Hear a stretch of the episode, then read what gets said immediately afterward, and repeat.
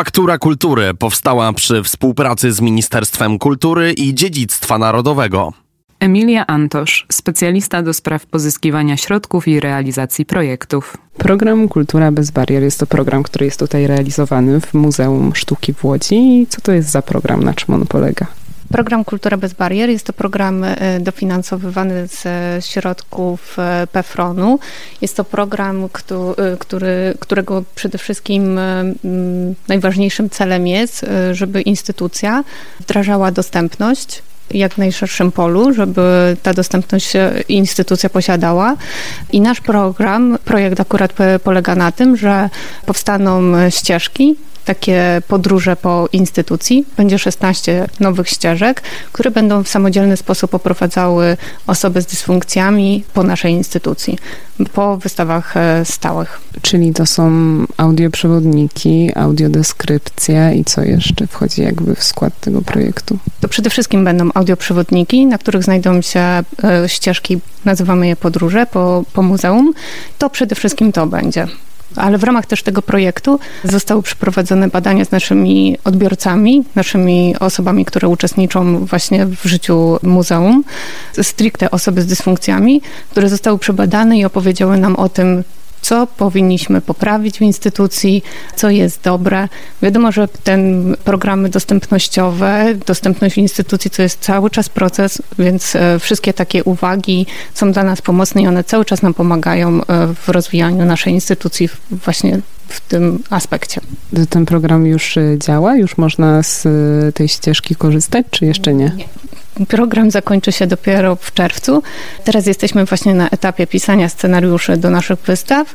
Zostaną one wgrane w przyszłym roku na audioprzewodniki i udostępnione publiczności. Czyli od czerwca. Tak. Agnieszka Pindera, kierownik Centrum Muzeologicznego kolejnym projektem, których jest bardzo dużo, ale e, który tutaj w Muzeum w Łodzi jest, to jest awangardowe muzeum, czyli co? Awangardowe Muzeum to był nasz wieloletni projekt, który w dużej części już jest zakończony. To projekt interdyscyplinarny, na który składały się konferencje, badania, e, wydanie dużej publikacji, przygotowanie dużej wystawy, ale również coś, co wciąż żyje w internecie, e, co jest dosyć innowacyjnym dla nas przedsięwzięciem, bo to przełożenie katalogu wystawy, e, czegoś, co zwykle jest w papierze i w dwóch wymiarach, na taką internetową, wielowątkową opowieść z dźwiękiem, obrazem, filmem, tekstem. Jest to historia o czterech muzeach awangardowych w tym nasze muzeum i jego historia, e, jakby serce jego tożsamości, jego historia założenia, powołania przez artystów e, z grupy AR jest jakby źródłem, sednem tej, tej opowieści. Mm, artyści, o których my mówimy, e, jako nasi ojcowie założyciele, mm, działali pod koniec lat dwudziestych, ale mówimy też o wcześniejszych, w tym projekcie mówimy też o wcześniejszych przykładach inicjatyw artystów do powoływania nowych muzeów, muzeów, miejsc innowacyjnych stworzonych właśnie do pokazywania najnowszej sztuki w jej najbardziej eksperymentalnych przejawach e, w Rosji, Stanach Zjednoczonych e, i też o eksperymentach wystawienniczych na terenie Niemiec. Także to taki mm, dosyć duży obszar tematyczny, który właśnie mieścimy na stronie internetowej, by w sposób przyjemny, łatwy przekazać tą historię. Jakie to są jeszcze raz, bo pani powiedziała mhm. Stany, Rosja, ale co konkretnie? Bo tutaj wiemy, że kto założył i albo będziemy jeszcze wiedzieć, bo o historii będziemy jeszcze rozmawiać, ale co, co konkretnie? E, awangardowe Muzeum opowiada e, historię administracji prowadzonej przez artystów w porewolucyjnej e, Rosji. To była sieć muzeów regionalnych, w których sami artyści zbierali, prezentowali sztukę swoich kolegów i koleżanek, osób im współczesnych. Prowadzili badania nad sztuką w muzeach, też promowali działania laboratoryjne, takie warsztatowe, instytucje pomyślane przez tych artystów były też instytucjami dla innych artystów, miejscem, gdzie ci doświadczaliby sztuki w jej współczesnym wymiarze i mogli projektować, wymyślać tą, tą sztukę przyszłości. Muzeum ze Stanów Zjednoczonych, które, które prezentowaliśmy w, w ramach tego projektu, to Societe Anonim, pierwsze Muzeum Sztuki Nowoczesnej, powołane też do życia przez artystów, przez e, malarkę, kolekcjonerkę Katrin Dreyer, Marcela Duchampa i Man Reya. Ta trójka e, zorganizowała mnóstwo, około 80 wystaw, e, wydawała czasopisma, książki i stworzyła ogromną kolekcję, około tysiąca obiektów, więc przedsięwzięcie jak na lata 20 w Nowym Jorku dosyć, dosyć ambitne i szeroko zakrojone. Mm, prezentowaliśmy w ramach tego projektu także przestrzenie właśnie zaprojektowane do doświadczenia nowej sztuki, w tym gabinet abstrakcji zaprojektowany pod koniec lat 20. przez El Lisickiego, artystę projektanta, który y, promował jakby sposób zwiedzania muzeum, stymulujący też widza, jego partycypację. Mm, I o, o tym między innymi dyskutowaliśmy, te, te, te wartości przybliżaliśmy w tym projekcie. I to y, cały czas jakby ten projekt jest i można go oglądać? E, na stronie internetowej obejrzymy filmy nagrane właśnie w gabinecie abstrakcji, ale też w sali neoplastycznej, która jest tutaj tym naszym muzealnym łódzkim odpowiednikiem y, przestrzeni y, zapre, zaprojektowanej dla nowej sztuki. Dowiemy się o tym, jakie cele przyświecały Societe Anonim czy rosyjskiej administracji artystów. Aneta Błaszczyk-Smolec, kierownik działu dokumentacji naukowej.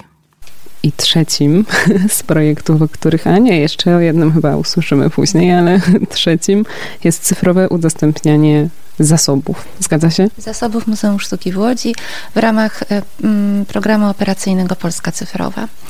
Program jest realizowany, projekt jest realizowany już od 2020 roku, rozłożony został na 3 lata. Realizację kończymy w połowie przyszłego roku, czyli w 2023 roku w lipcu. I na czym ten projekt polega?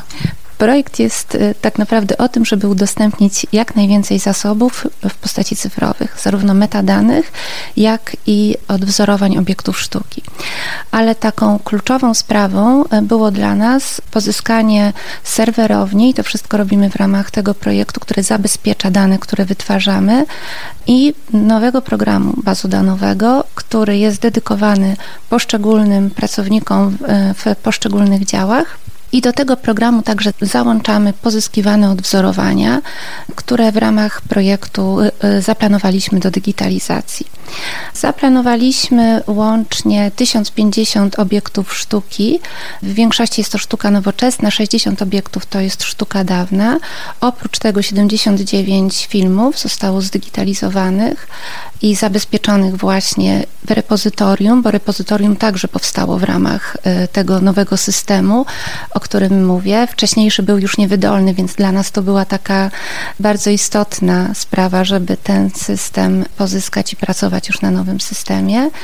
Ale wracając do obiektów zdigitalizowanych, oprócz tych 79 filmów, 1050 obiektów sztuki, mamy jeszcze 100 materiałów bibliotecznych, i do 300 z tych 1050 materiałów i 79 filmów, które digitalizujemy, powstają dodatkowo noty kuratorskie. Te noty są tłumaczone. Oprócz tego powstaje taka oprawa z materiałami dostępnościowymi, czyli filmy w polskim języku migowym, audiodeskrypcje, czy opisy proste, czyli to są te opisy dla osób ze spektrum autyzmu. I e, to jest już dostępne, czy to dopiero będzie dostępne? Częściowo materiały, które zdigitalizowaliśmy i do których powstały już materiały, o których mówiłam, są dostępne na stronie, natomiast taka masowa publikacja nastąpi w przyszłym, w przyszłym roku. Cały czas trwają prace i te materiały są już dostępne w systemie bazodanowym, ale nie wszystkie są jeszcze opublikowane. Opublikowane są póki co tylko jakaś część, nieduża część tych zbiorów. Po co takie zbiory się digitalizuje? Żeby utrwalić, zarchiwizować, zabezpieczyć, żeby mieć dokumentację do celów konserwacyjnych, no ale przede wszystkim, żeby mógł mieć wgląd w nie użytkownik zewnętrzny, żeby zamieścić je na portalu, ale one są też niezbędne w takiej codziennej pracy, są załącznikami do umów wypożyczeń, te, te odwzorowania, ale tak jak mówię, ich pod, podstawowa sprawa to zabezpieczenie, zarchiwizowanie bieżącego stanu rzeczy. W tej chwili już rozumiem, można przeglądać zbiory gdzieś na stronie. Na stronie zasoby.msl. Tam można zobaczyć dotychczas zdigitalizowane materiały i te, które digitalizujemy w ramach programu Polska Cyfrowa. Paulina Kurz-Maj, kierownik działu sztuki nowoczesnej. Znajdujemy się teraz w Muzeum Sztuki w Łodzi, ale w nowym jego budynku, a obok jest ten zabytkowy. Jak to jest? Znaczy jesteśmy tak naprawdę też w starym budynku, on został odnowiony, tu po prostu jest nadbudowa. Tak, jesteśmy w budynku tak zwanym MS1, czyli Muzeum Sztuki 1 na ulicy Więckowskiego 36. To jest e, pałac Poznańskiego, który został siedzibą muzeum po II wojnie światowej. A kiedy w ogóle muzeum zostało założone? Kto je założył i gdzie była jego siedziba? Muzeum powstało jeszcze w okresie międzywojennym. Tak naprawdę y, wyłoniło się ono tutaj z takiego większego zespołu, z Muzeum Miejskiego, które działało jeszcze po I wojnie światowej i rozłożyło się na trzy muzea, przyrodnicze, archeologiczne, etnograficzne i właśnie historii i sztuki. Wtedy to było jeszcze Muzeum Historii właśnie i Sztuki. W owym czasie miało ono jeszcze taki przydomek y, imienia Kazimierza Juliana Bartoszewiczów, który który straciło po II wojnie światowej. Wynikało to z tego, że jakby takim trzonem zbiorów wówczas była kolekcja bibliofilii z Krakowa składająca się z malarstwa no, głównie XIX-wiecznego, ale potem muzeum zostało wzbogacone o bardzo ważną kolekcję, która teraz stanowi taki zaczyn do jego późniejszej działalności, czyli o Międzynarodową Kolekcję Sztuki Nowoczesnej Grupy AR. No i te rzeczy, o których mówię, te fakty wydarzyły się na przełomie lat 20. i 30. ubiegłego stulecia. Otwarcie muzeum właśnie wtedy jeszcze historii i sztuki odbyło się w 1930 roku. Mieściło się ono wówczas na Placu Wolności, czyli trochę w innym miejscu. Teraz jest tam archiwum państwowe, a rok później udostępniona publiczności w lutym została właśnie owa Międzynarodowa Kolekcja Sztuki Nowoczesnej. I to jakby zaczęło muzeum, które od tamtego czasu działa nieprzerwanie, choć no, pod różnymi zarządami no, w związku z wojną a czy coś więcej mogłaby Pani powiedzieć tutaj o, jak to się mówi, założycielach tak naprawdę tych zbiorów, tej kolekcji całej, czyli tej grupie AR, kto wchodził w jej skład i skąd ten pomysł, żeby taką kolekcję stworzyć? Taką osobą, która była pewnego rodzaju duchem sprawczym właśnie tej Międzynarodowej Kolekcji Sztuki Nowoczesnej Grupy AR był Władysław Strzemiński. To artysta awangardowy, malarz, ale też no powiedzmy można powiedzieć człowiek swoistego renesansu, bo zajmował się projektowaniem graficznym, zajmował się także e, e, no, teorią sztuki, nauczaniem, nawet projektowaniem wnętrz, meblarstwem, a nawet architekturą. I Władysław Strzemiński przyjechał do Polski mm, po I wojnie światowej wraz z żoną Katarzyną Kobro. On w, no, urodził się na terenie za, zaboru rosyjskiego i mm, studiował właśnie w, w Rosji w związku z tamtą sytuacją. Po I wojnie światowej początkowo kształcił się w tamtym rejonie i pod wpływem takich ówczesnych, nowoczesnych trendów, jakie tam pojawiały się w sztuce, czyli konstruktywizmu, który się w Rosji rodził, zainteresował się sztuką nowoczesną i jego jakby podejście, styl poszukiwania się wykształciły. Tak więc jak przyjechał do Polski, to był początek lat dwudziestych, no był już takim ukształtowanym artystą i początkowo nauczał w wielu szkołach właśnie plastyki, rysowania, aż w końcu trafił do Łodzi i to zbiegło się właśnie z tą pracą nad Międzynarodową Kolekcją Sztuki Nowoczesnej Grupy AR. Ta grupa to była grupa właśnie założona przez niego i żonę. W, tej, w skład grupy wchodzili artyści tacy, którzy nie tylko zajmowali się sztukami plastycznymi, bo także byli to poeci z Krakowa Julian Przyboś i Jan Brzękowski, ale też artysta plastyk Henryk Starzewski, czyli taka piątka osób. I oni zaangażowali się w stworzenie no, takiej właśnie idei Muzeum Sztuki Nowoczesnej. Strzemiński chciał stworzyć muzeum, które prezentowałoby no, sztukę aktualnie tworzoną przez artystów awangardowych. I w tym celu właśnie podjął współpracę głównie ze środowiskiem francuskim. Dzięki kontaktom, jakie miał Jan Brzękowski, ów poeta, którego wspomniałam, czy Henryk Starzewski, którzy jeździli do Paryża albo tam przebywali i z tym kręgiem artystów mieli do czynienia. I zaczęło się zbieranie dzieł. Zbieranie dzieł poprzez dary przede wszystkim. Nie było żadnych zakupów, bo taka była idea tego muzeum. Przyjeżdżały prace z zagranicy, właśnie z Paryża. Strzemiński z Kobro pozyskiwali pracę w Polsce. I tutaj należy nadmienić, że początkowo no, szukali jakiegoś miejsca, gdzie by właśnie te prace zdeponować i pokazać. I trafił się no, taki dobry, czasami jest dobry czas i miejsce i spotkanie wielu osób. I takim czasem i miejscem właśnie okazała się Łódź i inna ważna postać, Przecław Smolik, to był bibliofil, ale też e, no, taki bardzo ważny, ważna postać e, no, ówczesnego życia politycznego Łodzi, ławnik Wydziału Kultury tutaj w mieście w okresie międzywojennym, który miał taką ideę no, bardzo dużego inwestowania w edukację, w sztukę, no, dla odrodzenia miasta. On między innymi stworzył sieć takich szkół podstawowych w Łodzi, ale także właśnie no, jego ideą było to wzmocnienie edukacji poprzez muzea. On był tą osobą, która doprowadziła do powstania owych trzech muzeów, o których mówiłam, tym Muzeum Historii i Sztuki i on właśnie no, skomunikował się ze Strzemińskim i ich, że tak powiem, poszukiwania się połączyły i Strzemiński zdecydował się zdeponować tutaj ten cały zespół prac pozyskiwanych przez grupę AR. Co to były za prace albo czyje? To były prace, tak jak wspomniałam, artystów związanych e, ze środowiskiem awangardy owego czasu. Przede wszystkim, tak jak ta droga pozyskiwania wynikała, to, były to był to krąg francuski, ale to nie były tylko twórcy z Francji, tylko osoby, które no, w tym czasie jeszcze w Paryż był pewnym takim centrum sztuki. Przyjeżdżały tam mm, osoby także na przykład z, z Niderlandów, nawet z, spoza Europy i one, w tej, ci awangardowi skupione były w, w takich dwóch ugrupowaniach, e, abstrakcją kreacją i cercle carré. I właśnie z tymi ugrupowaniami kontaktowali się ci polscy no, poeta i malarz i właśnie dzięki tym kontaktom udało się pracę pozyskać. I w ten sposób na przykład z zagranicznych twórców mamy pracę Maxa Ernsta, wybitnego surrealisty Kurta Schwittersa, który jest e, znanym twórcą takiej idei Merc, jakby własnego odłamu dadaizmu. Także mamy pracę szeregu innych artystów, którzy byli związani z tą sztuką e, neoplastycyzmu, jak na przykład Theo van Desburg, Georges Fanton Gerlot, Jean Lyon.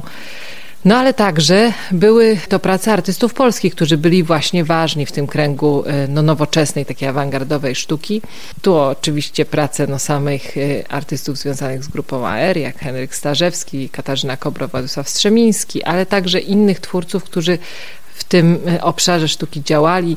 E, no był i to i Tytus Czyżewski, i byli to bracia Pronaszko, był to Leon Chwistek, więc jakby i środowisko także krakowskie, ale też warszawskie, Teresa Żarnower, Mieczysław Szczuka, więc jakby tutaj tak starał się ważne postaci włączyć w tą kolekcję. No i oczywiście no, słynny twórca no, awangardowy na wielu polach, czyli Witkacy. No to oczywiście nie tylko jedyni ci artyści, ale po, mówię o takich najważniejszych no, przejawach sztuki, jakie znalazły się w tej kolekcji.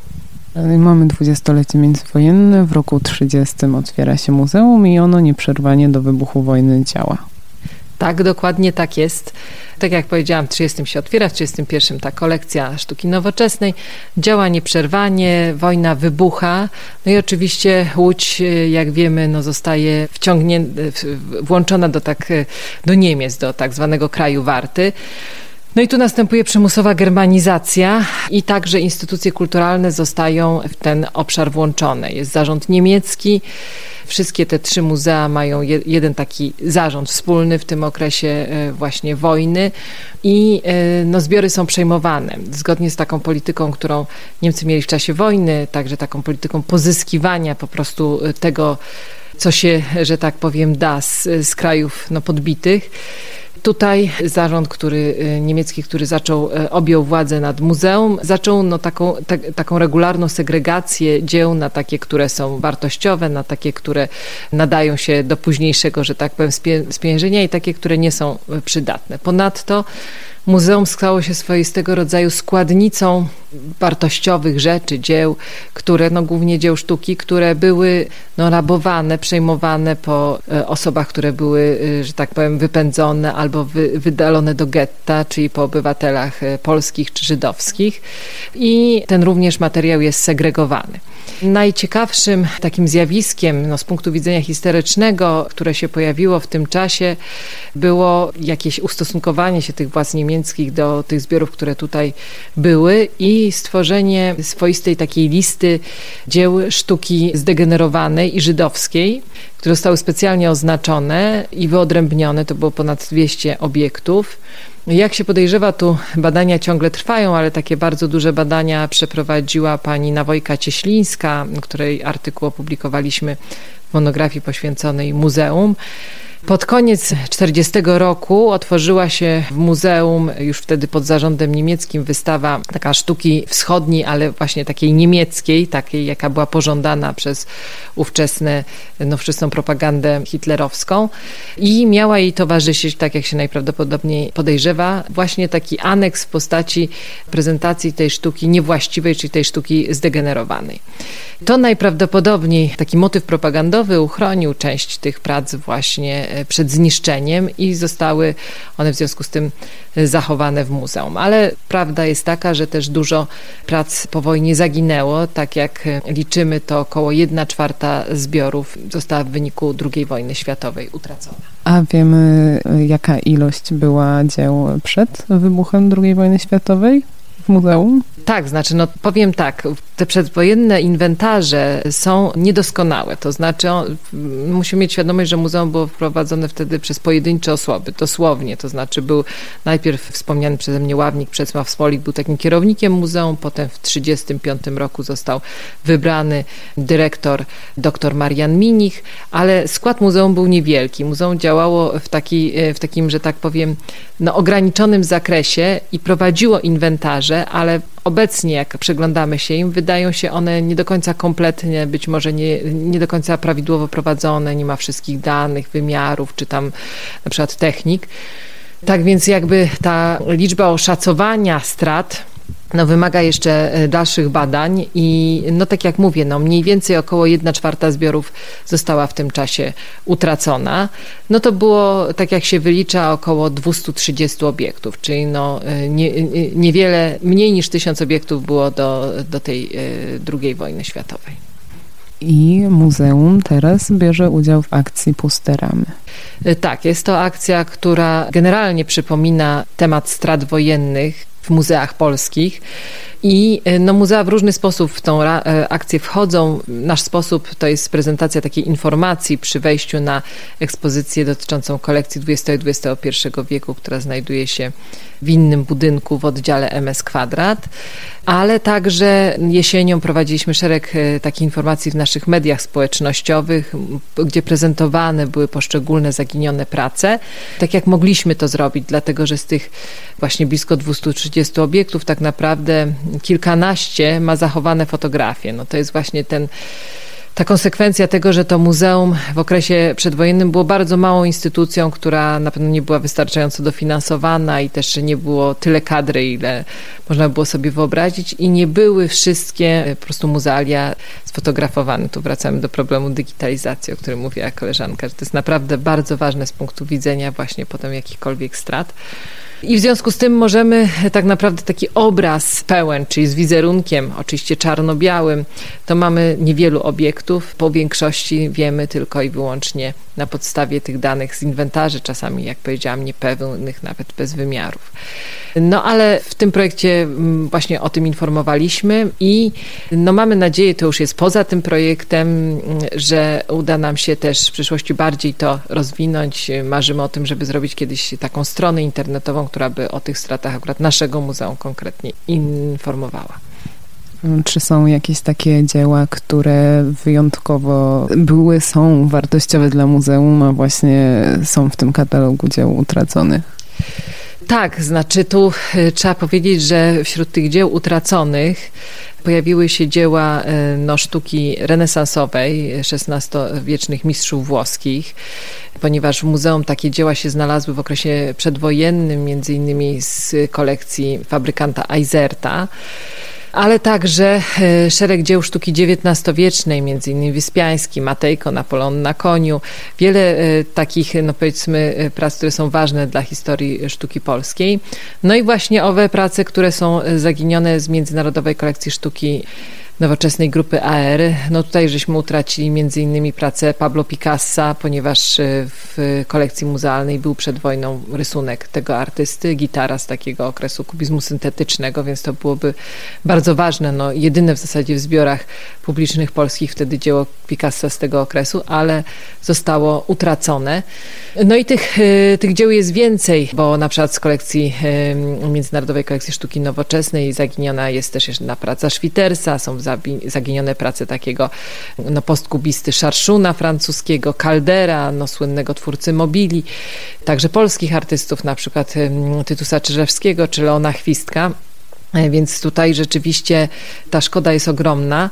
Trzeba dodać, że tak naprawdę do końca nie mamy też jasności, jakie są kierunki, e, że tak powiem, tego, co się z tymi dziełami stało, bo chcemy jeszcze prowadzić na ten temat badania, ale z takich przekazów, które bezpośrednio po wojnie, no tutaj w muzeum powstawały, przede wszystkim robione przez um, ówczesnego dyrektora Mariana Minicha to ta sama osoba, która była dyrektorem przed II wojną światową z tą przerwą na czasy okupacji, to najprawdopodobniej jedynie niewielka część z tych dzieł została autentycznie zniszczona. No, takie przekazy były, że zniszczona na przykład została rzeźba Ksawerego Dunikowskiego, tak, czy Henryka Wicińskiego ale duża część najprawdopodobniej została ukradziona. I tu są też takie przekazy, że część została przechwycona przez wojska radzieckie, które, się, które w, w, Pols w Polskę wkroczyły, wyzwalały te tereny od Niemców. I na przykład są obiekty, które trafiły do Muzeum Puszkina jeszcze w tym okresie powojennym zostały, od, został odzyskany bardzo ważny obraz, który no, był nagradzany na wystawie w Paryżu w, okre, w XIX wieku, czyli Henryka Rodakowskiego Portret Matka. On tutaj w muzeum jest, ale tam naj, najprawdopodobniej są też inne obrazy. Między innymi portret takiego mistrza z papugą, to y, Madonny z dzieciątkiem i z papugą, właśnie twórcy włoskiego renesansowego i być może kiedyś uda się te dzieła odzyskać. Kiedy ten obraz Rodakowskiego udało się odzyskać? w latach 50. ubiegłego wieku. I jeszcze trzeba dodać, że ta sytuacja z dziełami wyglądała w ten sposób, że e, kiedy tu był zarząd niemiecki, to część dzieł oczywiście e, no była, tak jak mówiłam, tu segregowana do różnych celów, ale one były też wydawane na, i to nie tylko nasze, ale też takie, co były zwożone, no bo muzeum było tą składnicą no, tych prac rabowanych, tak to nazwijmy, od e, no, no, Polaków i Żydów. I te dzieła były także wydawane różnym oficjalom niemieckim w owym czasie, na przykład do ozdoby gabinetów, tak, są, zachowały się takie rewersy w naszym archiwum, ale też różnym osobom, które były po prostu w, w tym kręgu jakby zarządu niemieckiego. I potem część rzeczy po II wojnie światowej była rewindykowana, między innymi odnaleziono u to już opisuje o tym właśnie ówczesny dyrektor Marian Minich, odnaleziono u w, osób, które nadal żyły i mieszkały w, w, Łodzi czy w okolicach Łodzi, właśnie niektóre, niektóre prace. I do 1968 roku jeszcze trwała taka rewindykacja, czyli Matka Rodakowskiego nie była jedynym jakby takim odzyskanym dziełem, tylko także odzyskiwano te dzieła, które po prostu zostały rozparcelowane z muzeum, można tak rozdane, czy no, no nie wiem, sprzedane, teraz trudno mi powiedzieć. Po co te dzieła odzyskiwać? po co te dzieła odzyskiwać? E, znaczy, no, to jest takie chyba pytanie, no, które w zasadzie odpowiedź jest oczywista. No, muzeum było wcześniej właścicielem tych dzieł, ale też no, jest one są bardzo ważnymi w większości przykładami sztuki dla rozwoju historii, dla wiedzy polskiego muzealnictwa, więc jakby dla mnie no, powinny się znaleźć z powrotem e, właśnie w miejscu, w którym pierwotnie się znajdowały czyli mają jakąś swoją przynależność miejscową.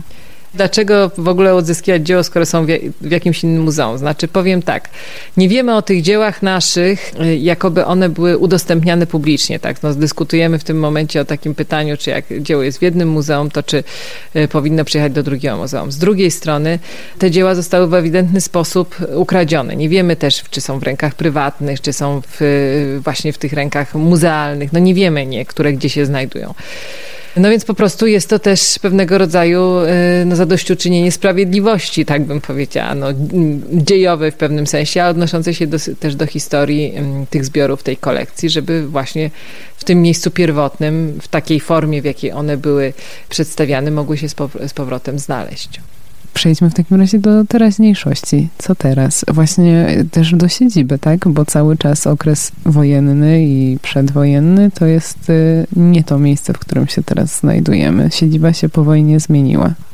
Tak, no to trzeba powiedzieć, że w pewnym sensie już w okresie wojennym y, Niemcy, kiedy zarządzali muzeum, to część y, właśnie tych dzieł składowali y, na Placu Wolności, ale część właśnie tutaj w tym Pałacu na Więckowskiego 36, w którym teraz się znajdujemy. Więc jakby tak już w pewnym sensie taki zaczątek muzeum się zaczął, ale de facto dopiero w latach po odzyskaniu niepodległości, po wyzwoleniu, czyli w 1945 roku, muzeum zostało przeniesione właśnie tutaj do do tej siedziby dawnego Pałacu Poznańskiego. Ponadto, ale to już w późniejszym czasie, muzeum zyskało oddział Pałac Herbsta, to w latach 70. On był poddany renowacji i znacznie później otworzony w latach 90., w którym znajduje się obecnie mm, no, taka prezentacja właśnie zbiorów rzemiosła artystycznego i prezentacja wnętrz fabrykanckich, pałacu właśnie takiego fabrykanckiego, ale też tam właśnie są zbiory tej sztuki dawnej. U nas podział ten kończy się na 1918 roku. No i jeszcze później zyskaliśmy oddział fabryki w, w rejonie manufaktury. To była dawna fabryka zakładów poznańskiego na ulicy Ogrodowej 19. I ten oddział został otworzony w 2008 roku. Tam na trzech piętrach znajduje się prezentacja naszej kolekcji sztuki nowoczesnej XX i XXI wieku. I jakie w tej chwili w Muzeum Sztuki w Łodzi są wystawy stałe? Jest przede wszystkim właśnie ta wystawa. Ona mieści się w, w, w tym budynku w MS Kwadrat i w przyszłym roku planujemy dołączenie takich wystaw stałych, które zapoznają widzów e, z, e, z tą kolekcją trochę grupy AR, ale też salą neoplastyczną. W tej chwili jest tam wystawa czasowa. W maju będzie otworzona wystawa właśnie sala neoplastyczna rekonstrukcja, gdzie zostanie zaprezentowana sala neoplastyczna z kolekcją grupy AR, tak jak to było pokazywane po raz pierwszy po II wojnie światowej w 1948 roku, a także wcześniej, bo w lutym zostanie w Pałacu Herbsta otworzona wystawa mm, no, takiej kolekcji sztuki polskiej, głównie XIX wieku. Jakie są plany na najbliższy rok? Co się będzie w muzeum działo? No oprócz tych wystaw y, takich parastałych lub y, no, nowych stałych y, będą, będzie oczywiście szereg wystaw czasowych. W tym roku przyszłym chcemy się skupić w dużej mierze na prezentacji twórczości artystów polskich, też związanych w jakiś sposób z muzeum i ze środowiskiem łódzkim, do takich wystaw, które no, będą w pewnym sensie cyklu wystaw, który będzie kontynuowany. Jest, należy cykl wystaw we współpracy z łódzką ASP, gdzie właśnie osoby związane z tą szkołą są prezentowane. Zaczęliśmy ten cykl już jesienią tego roku. W urodziny jednocześnie datę śmierci profesora Stanisława Fiałkowskiego została otworzona jego wystawa Piękny Prawdomówny, którą możemy tutaj w tej siedzibie MS1 zobaczyć. W przyszłym roku będą to dwie inne wystawy profesorów powiązanych z ASP. Także będą wystawy twórców polskich e, indywidualne, duże prezentacje Włodzimierza Pawlaka, e, Wójtowicza i Zakrzewskiego ale również y, będą prezentacje artystów, którzy no tutaj są istotni mm, dla naszego muzeum. Mamy ich pracę, ale y, mm, ze względu na rozmiar na przykład nie mogą być dobrze, y, nie mogą być do tej pory prezentowane. Chcemy zrobić prezentację pracy Stanisława Drużdża. Ona mm, znajduje się w depozycie muzeum od 20 lat. To jest wystawa Ala jak ta jest, która była pokazywana e, na Biennale w Wenecji na początku lat 2000 i to była taka prezentacja site specific i chcemy ją odtworzyć, właśnie pokazać, ponieważ e, tą instalację mamy. Mamy nadzieję na prezentację również takiej ciekawej mozaiki Antoniego Starczewskiego. To też łódzki artysta. Pozyskaliśmy ją w momencie remontu w Teatrze Jaracza. Artysta ten bowiem był postacią, która w latach 60. szczególnie mm, no, ozdabiała wiele ważnych instytucji publicznych w Łodzi, między innymi właśnie ten teatr, nawet na kąpielisku łódzkim Fala, już tam też ta mozaika nie istnieje, czy w Bibliotece Uniwersytetu Łódzkiego otworzył różnego rodzaju właśnie takie projekty do wnętrz, wielkoformatowe, monumentalne, głównie mozaiki. I tą mozaikę z Teatru Jaracza my przechowujemy już od jakiegoś czasu i pragniemy ją spróbować odtworzyć, żeby na stałe mm, no, pojawiła się u nas w muzeum. Ponadto będzie wystawa która również poświęcona jest e, takim, takiemu odwołaniu się do awangardy, późnej awangardy, tak zwany późny styl. Będzie wystawa mówiąca o awangardzistach, którzy no, zaczynali swoje działania w okresie międzywojennym, ale tak naprawdę ze względu na swoje życie długie i trwanie w tej idei awangardy wpływali na młodsze pokolenia, na przykład w latach 60., 70. Ta wystawa będzie poświęcona innymi Henrykowi Starzewskiemu, ale także takim artystom jak Hanna Höch, czy z Niemiec, czy Lajos Kaszak z Węgier i ona będzie też we współpracy z tymi in, innymi instytucjami. Tak więc dużo różnych projektów, o których jeszcze można by było opowiadać, ale myślę, że e, najlepiej przyjechać i też zobaczyć je na miejscu. Gdyby pani miała powiedzieć, co jest takiego wyjątkowego w Muzeum w Łodzi, ktoś nie był, e, ma przyjechać, dlaczego? Muzeum e, Sztuki w Łodzi, no myślę, że ma to tą wyjątkową taką historię wynikającą z, z jego długoletniej tradycji, z tego, że powstało jeszcze pod koniec lat dwudziestych. I to Dlaczego warto tutaj je zobaczyć? To przede wszystkim właśnie Międzynarodowa Kolekcja Sztuki Nowoczesnej Grupy AR, sala neoplastyczna, ale też wspaniałe zbiory pozyskiwanej bardzo sukcesywnie i tak, że tak powiem systematycznie e, sztuki no, takiej współczesnej od e, właśnie lat 40. do teraz, którą prezentujemy na ekspozycji stałej. Myślę, że to są bardzo szerokie i najbardziej, że tak powiem, no, długie w tradycji pozyskiwania zbiory, e, jeżeli spojrzymy na wszystkie zbiory sztuki nowoczesnej w Polsce. Bardzo dziękuję. Dziękuję bardzo.